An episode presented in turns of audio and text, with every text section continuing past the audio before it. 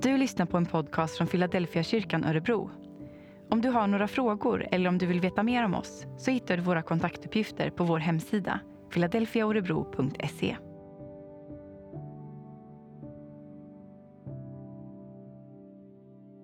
Det här var ett område liksom med många olika strömningar. Gammalt och nytt möttes och blandades.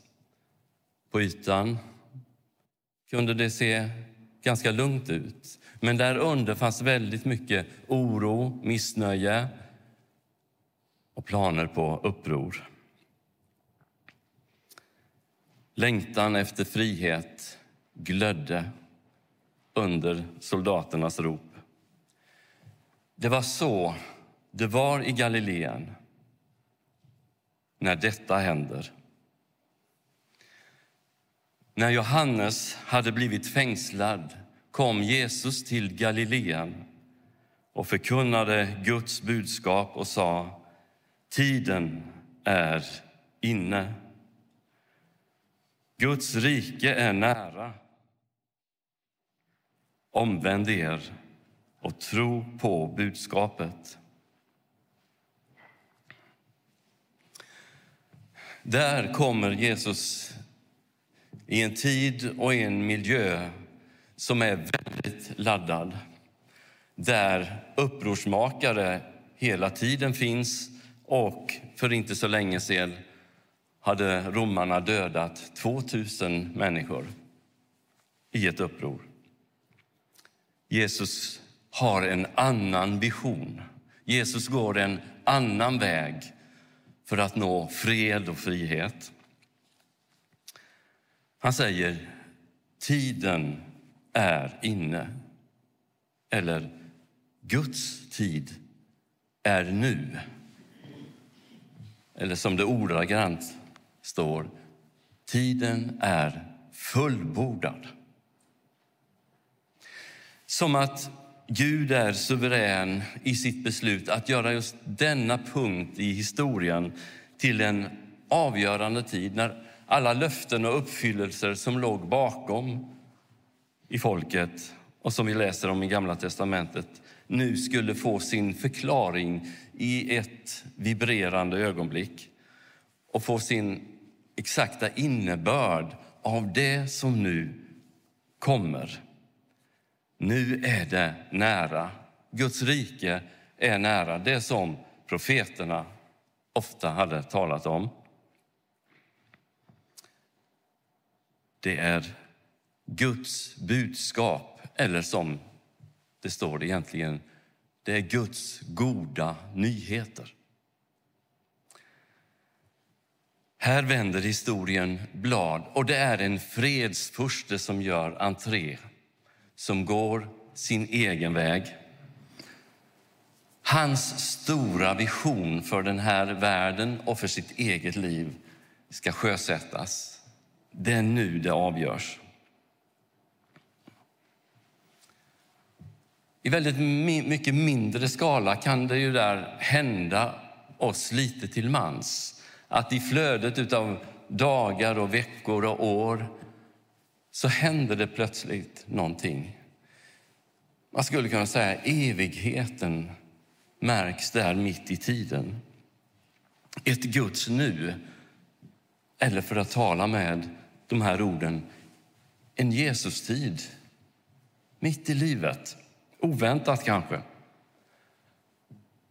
Du kanske har varit med om det en eller flera gånger. Eller kanske det är nu som Jesus tid kommer för dig. Det är en ofantligt stor vision som Jesus bär. Guds rike, Guds herravälde, Guds på något sätt ointagliga makt. Det är det han ser framför sig. Det är det han tänker när han säger nu är riket nära. Nu kommer det. När han dyker upp i Galileen så är det ett nu från Guds sida. Det är inte bara en händelse eller ett uttalande som är nyheten, utan följer vi Markus berättelse vidare så förstår vi att de goda nyheterna egentligen är Jesus själv. Han är de goda nyheterna till Galileen och till det här folket. Han visar i sin person att nu är Gud i rörelse. Nu är det på gång, det som är väntat. Det är där han lever, i spåren av honom, som man ser vad som händer när Gud får övertaget. Gud får övertaget i människors liv, i mänskliga och historiska situationer. Och man får en aning om att det finns någonting mycket mer och större än det vi har varit med om tidigare. Jesus har en, en vision, en bild framför sig. Han ser ett nytt rike, en ny makt växa fram i spåren av hans eget liv. Han vet, nu tar Gud initiativet. Nu talar Gud, nu handlar han. Och han förstår, nu påverkas avståndet mellan Gud och människa på ett drastiskt sätt. Nu har Gud kommit nära. Och Markus i sin berättelse och sitt sätt att berätta visar också att han tänker att det som händer nu handlar om en avgörande händelse i Guds plan och tanke med den här världen. För befrielsen, för återställelsen, för fred i världen. Jesus förkroppsligar på ett hemlighetsfullt sätt det som är den stora tanken med en annorlunda makt. Vi får glimtvis, när vi följer berättelsen om Jesus, se vad innebär Guds rike? Hur landar det i människors liv och historiska utvecklingssituationer? Och så slutar Markus sin berättelse med att berätta om det som är själva navet i Jesu vision som fredsförste. Navet handlar om hans korsdöd och hans uppståndelse. Där strålar allt samman, men där slutar inte allt. Det slutar, berättar ju Markus när han citerar Jesus, med att han kommer tillbaka i sin härlighet. Guds makt ska bli en självklarhet och uppenbar, inte bara i Galileen, utan i hela världen. Men det börjar här. Det började då. Fredsriket tar gestalt och vi väntar på att hela världen ska vila i Guds hand. Vi gör det fortfarande. Det är kyrkans bekännelse, hopp och tro. Vi får dela den med glädje och förväntan. Det liv som här börjar ta form när Jesus kommer till Galileen skulle visa på vilket sätt Guds rike växer i den här världen. Det är en ofattbar stor vision. Hela världen ska vila i Guds hand. Men denna stora vision landar i små galileiska byar och enkla städer. Det är där, för en del omärkligt, men för andra ändå intuitivt med en känsla av att är det inte detta som vi har väntat på? Jesus säger själv någon gång att ja, men det här riket är som ett senapskorn. Det minsta av alla frön. Men en dag ska det växa upp och bli ett stort träd. Det är nu det här fröet har hamnat i marken. Och så kommer det att fortgå. På utsidan kommer det här riket ofta att vara anspråkslöst och enkelt. Men på insidan finns det ofta en bländande skönhet. Så är det fortfarande. Har du fångats av den här visionen? Fredsfurstens vision. Vill du göra den till din vision? Det som bär upp dig och ditt liv. Det är det här Jesus erbjuder oss och utmanar oss till. Att, som han säger, följa honom och bli en del av hans vision. Och det är så Markus fortsätter att berätta. Att när Jesus sen gick ut med Galileiska sjön fick han se Simon och hans bror Andreas stå där och arbeta med sina nät. Och han säger kom och följ mig. Och de lämnade sina nät och följde honom. På en gång berättar Markus hur Jesus tänkte att hans stora vision skulle genomföras genom att han kallar på människor, vanliga människor, också sådana som du och jag, för att bli en del av hans vision och föra den vidare och låta livet formas utav den. Han kom för att ge människor en ny inriktning, ett annat svar på frågan om vad som är viktigast. Att ge en ny grundton att stämma sitt liv efter. Det de behövde göra var att släppa taget om det som var så viktigt för dem. Att fundera över vad har de sina starkaste lojaliteter? Vilka hänsyn ska vi i första hand visa? De egna drömmarna, de egna principerna fick i mötet med den här stora visionen på något sätt ge efter. De lämnade. De lämnade sina nät. Ofattbart. Det var inte lätt, det kan vi väl inse. Men de blev en del av fredsfurstens vision och de gick med honom under några år för att se hur det här riket växer fram omkring honom. Det är inte lätt. Men det är Guds nåd att han kallar oss att följa. Det är inte lätt eftersom Jesus säger omvänd er. Byt riktning. Hitta ett nytt mål. Se något annat framför er.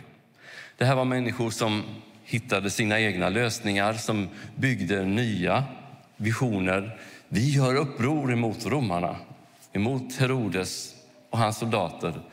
Vi måste bli fria. Men Jesus säger det är för lite. Det är en för liten vision.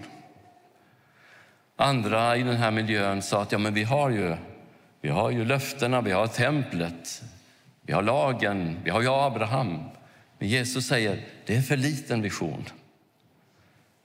Jag kallar er till något större och inbjuder er att bli en del utav det som nu växer fram i världen. Deras framtidsbild och förväntningar behövde bytas ut. Och jag tänker, det behöver nog hända också i mitt liv. Och kanske jag delar det med fler. Att igen fångas utav den stora vision och bäras utav den.